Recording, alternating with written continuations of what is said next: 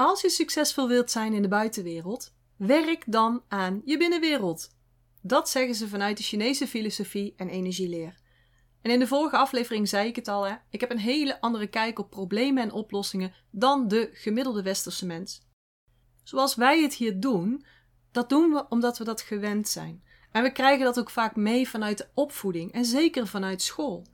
Als wij een probleem ervaren in ons leven, in ons werk, gezondheid, relaties, dan gaan we inzoomen op dat probleem. We gaan erover nadenken, we gaan er informatie over verzamelen, we gaan er trainingen over volgen, maar we gaan er echt op inzoomen. En eigenlijk is dat best wel een symptoomaanpak. En dat zijn we gewoon gewend hier in het Westen. Inzoomen op dat symptoom. En vaak ligt dat symptoom dan ook nog eens buiten ons. En gaan we proberen om het daar, dus buiten onszelf, op te lossen. We werken dan als het ware van buiten naar binnen. En ik deed dat vroeger ook, hè. Ik leefde mijn leven ook van buiten naar binnen. Ik dacht, als ik nou nog meer ga werken, als ik nog harder ga werken, als ik langere dagen ga maken, als ik nou nog meer slim word, dan ga ik vanzelf meer succesvol worden. Maar dat was niet zo, want dat creëerde alleen maar meer uitputting, meer overload, overwhelm, stress, frustratie en vooral ook lange, lange dagen. Zonder dat ik het gevoel had dat ik vervuld was, dat ik daar heel erg blij mee was. En ik ben niet de enige. Want burn-out, stress en een vol hoofd zijn echt een epidemie aan het worden. En vergeet dan ook niet de bore-out. Want ik denk dat heel veel mensen bored out zijn. Dat die zich vervelen. En dat ze niet meer, of in ieder geval minder gepassioneerd zijn over hun eigen leven. En de link die we missen is eigenlijk dat we niet naar de kern van het probleem kijken, de oorzaak. En die zit van binnen, in onze energie. En daarom zeggen ze dus vanuit de Chinese filosofie en energieleer: als je succesvol wilt zijn in de buitenwereld, werk dan aan je binnenwereld. Dat zijn we niet gewend in het Westen, want wij zijn heel erg naar buiten toe gericht. En dat is vanuit een jange energie. Yang wordt gezien als een mannelijke energie, warm, actiegericht, beredenerend en naar buiten toe bewegend. In het oosten zijn ze veel meer naar binnen toe gericht. Zijn ze zich ook veel bewuster van hun yin-energie. Die mag daar ook meer bestaan. Die wordt daar ja, beter geaccepteerd eigenlijk. Yin zoals in het vrouwelijke, koele, rustige, voelende, meer naar binnen bewegend. Die balans, die yin-yang balans in de energie, dat is wat wij missen in onze westerse maatschappij, in ons leven, in werk. Dit onvolledige beeld wat wij hebben van energie moet aangevuld worden met die balans tussen yin en yang. En pas dan weten we eigenlijk wat we moeten doen om echt goed in onze energie te zitten, grip te hebben om, op onze energie en zelfs meester te worden over onze energie. Onze maatschappij ons leven wordt gedomineerd door jange invloeden. En ik deed daar vroeger volop aan mee. En ik weet nog goed dat ik bijvoorbeeld een weekendje weg was met de familie. En dat ik dan mijn wekker zette op half zes. Nou, dat is niks voor mij, want ik begin normaal echt niet zo vroeg. Dan zette ik hem om half zes en dan zat ik beneden aan de keukentafel met mijn laptop. was toen nog zo'n grote, dikke, zware laptop. En dan zat ik programma's te maken, fitnessprogramma's. Want ik moest targets halen. Die targets had ik mezelf gesteld. Daar niet van, maar ik moest ze wel halen. Hoppatee, actie. En ik ging eigenlijk volledig over mijn eigen grenzen. En daar trap ik nog wel eens in hoor. Als het goed gaat, vooral als het goed gaat, dan heb ik de neiging om mijn routines wat los te laten. Bijvoorbeeld een goed ochtendritueel. En in het begin merk ik er eigenlijk niets van. Maar pas na een paar dagen of zelfs na een paar weken ga ik me ineens stroperig voelen alsof ik door de modder aan het lopen ben. Dan ben ik niet meer in flow. En hé, hey, ja, ik ben ook maar gewoon mens. Of ik ben een buitengewoon mens, mag ik ook wel zeggen. Dus ik trap er nog wel eens in. Om, om werk voor te laten gaan. Of iets doen voor andere mensen. Of iets doen omdat het moet. Maar eigenlijk zijn het allemaal excuses. En dan moet ik mezelf gewoon weer even bij mijn lurven pakken. Dus als jij dat ook hebt, weet dan dat ik je snap het is ook moeilijk om jezelf accountable te houden. En daarom ben ik ook zo'n fan van het hebben van een coach of meerdere coaches. En om vergaderingen met jezelf te houden. Maar goed, Als je succesvol wilt zijn in de buitenwereld, werk dan aan je binnenwereld. Dat is de power van yin. Hoe doe je dat nou? Dat is dan altijd de vraag die ik meteen krijg. Nou, heb je even, want dat is niet voor iedereen hetzelfde. Wat bij de een past, past niet bij de ander. Maar één ding is zeker: overwhelm, maar ook verveling, angst, onzekerheid, besluiteloosheid, stagnatie, het kwijtraken van enthousiasme is niets minder dan een disconnectie van je ziel, van je hogere zelf, die kern die in jouw lichaam zit. En we hebben allemaal een aangeboren drive om volledig onszelf te zijn. Iedereen van ons is geboren met een eindeloze drang of een drive om te groeien en te bloeien, om te floreren. En de vonk die die drive aanwakkert, is een deel van het DNA van je ziel. Die intensiteit die wordt nooit minder, maar die kan wel overschaduwd raken door ervaringen, door pijn, door emoties, boosheid, angsten, verdriet of belemmerende overtuigingen. De kern van die oplossing zit hem dan ook niet in het jange actiedeel, maar juist in het jinne deel, in het herverbinden met je innerlijke wijsheid, je hogere zelf, je ziel, geef het maar een naam. En let op, ik zeg niet dat actie niet nodig is. Integendeel, actie is super nodig. Maar niet goed afgestemde actie, dus niet aligned, gaat je alleen nog maar meer vermoeidheid, meer frustratie en een nog meer onvoldaan gevoel geven. Nu zijn er ook weer verschillende manieren om je met je ziel te herverbinden.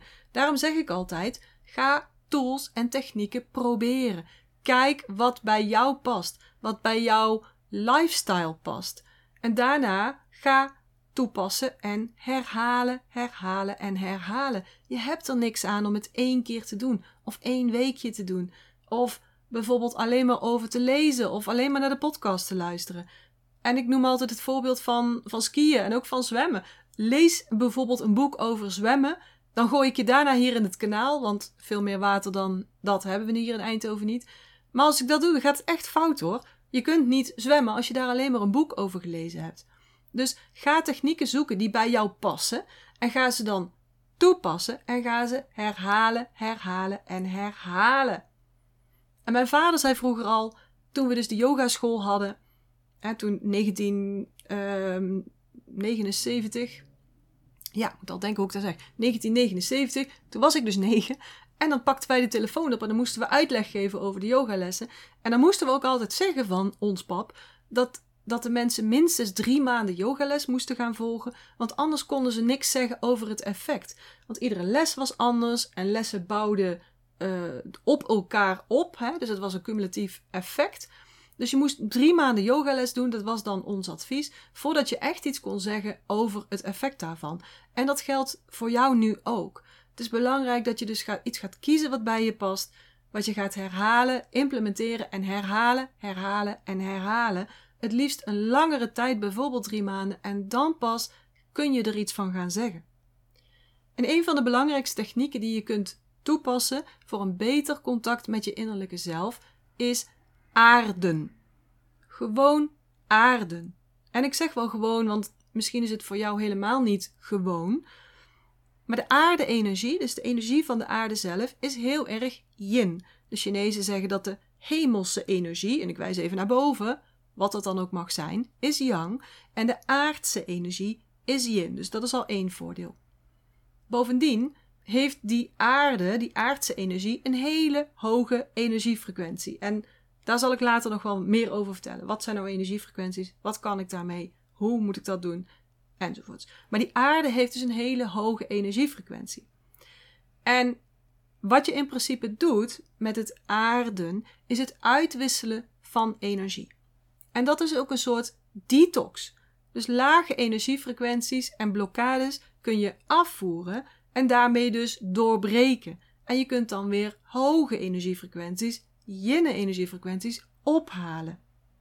En aangezien wij in een hele jonge maatschappij leven en we dus nou eigenlijk ook qua voeding, qua lifestyle, eigenlijk alles hebben we, krijgen we veel te veel jonge impulsen binnen, Dus daarom is het goed om met aarden, het hele jinne aarden, te beginnen. Dat aarden je basis is.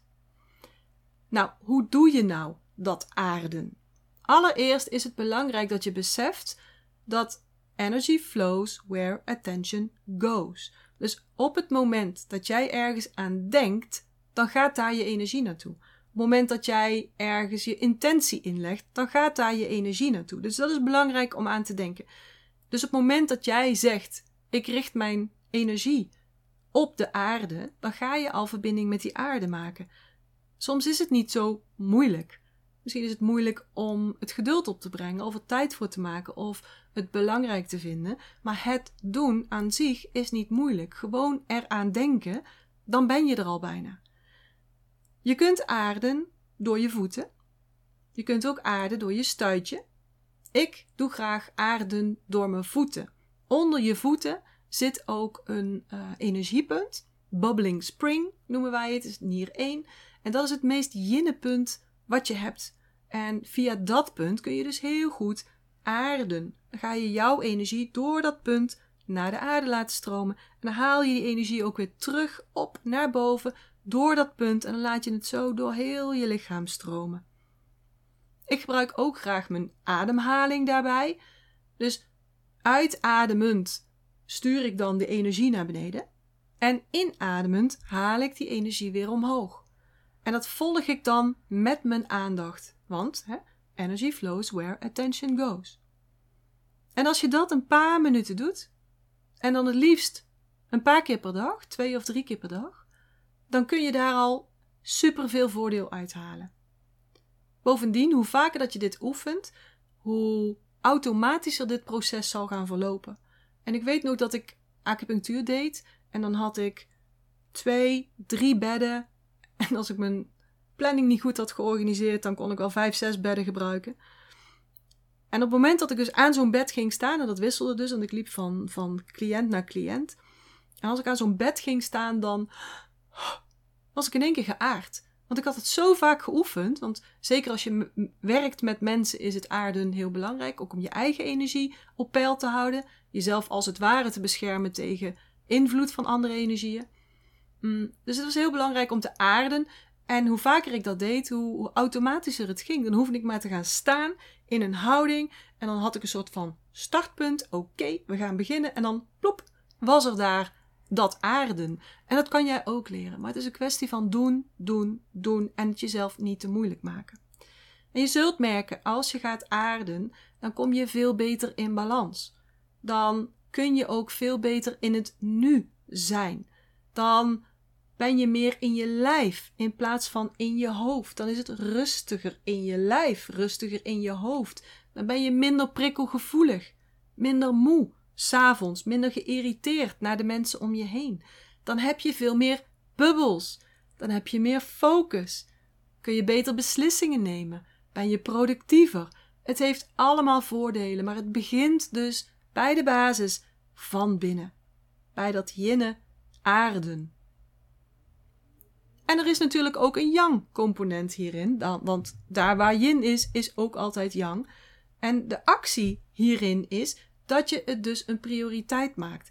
En ook echt gaat doen en herhalen. En natuurlijk, een marathon lopen is veel janger dan aarden. Maar het heeft een component van actie, van prioriteit geven. En dat is dus weer een stukje yang component. Daar wil ik het even bij laten voor deze keer. En als je hierover met mij wilt chatten, leuk. Doe dat. Stuur me een DM of via Instagram of stuur me een mailtje naar info@janinehofs.nl of vraag meteen een gesprek met mij aan waarin we samen kunnen kijken wat ik voor jou kan doen om jou te helpen meester te worden over je energie en daarmee over je innerlijk leiderschap. Voor nu, tot de volgende keer en zoals wij hier in Eindhoven zeggen, houdoe, oftewel zorg goed voor jezelf. Ik hoop dat ik je weer heb kunnen inspireren en motiveren. En als dat zo is, zou ik het heel tof vinden als je deze Master Your Energy podcast zou willen delen. Bijvoorbeeld door een screenshot te maken en die te delen op social media. Waar je me ook heel erg blij mee maakt, is een waardering en een review. Bijvoorbeeld in iTunes, Apple Podcasts of in Google. En uh, hoe meer sterren, hoe meer bubbels. En abonneer je dan ook meteen even op dit kanaal of ga me volgen op Spotify. Dan mis je nooit meer een aflevering.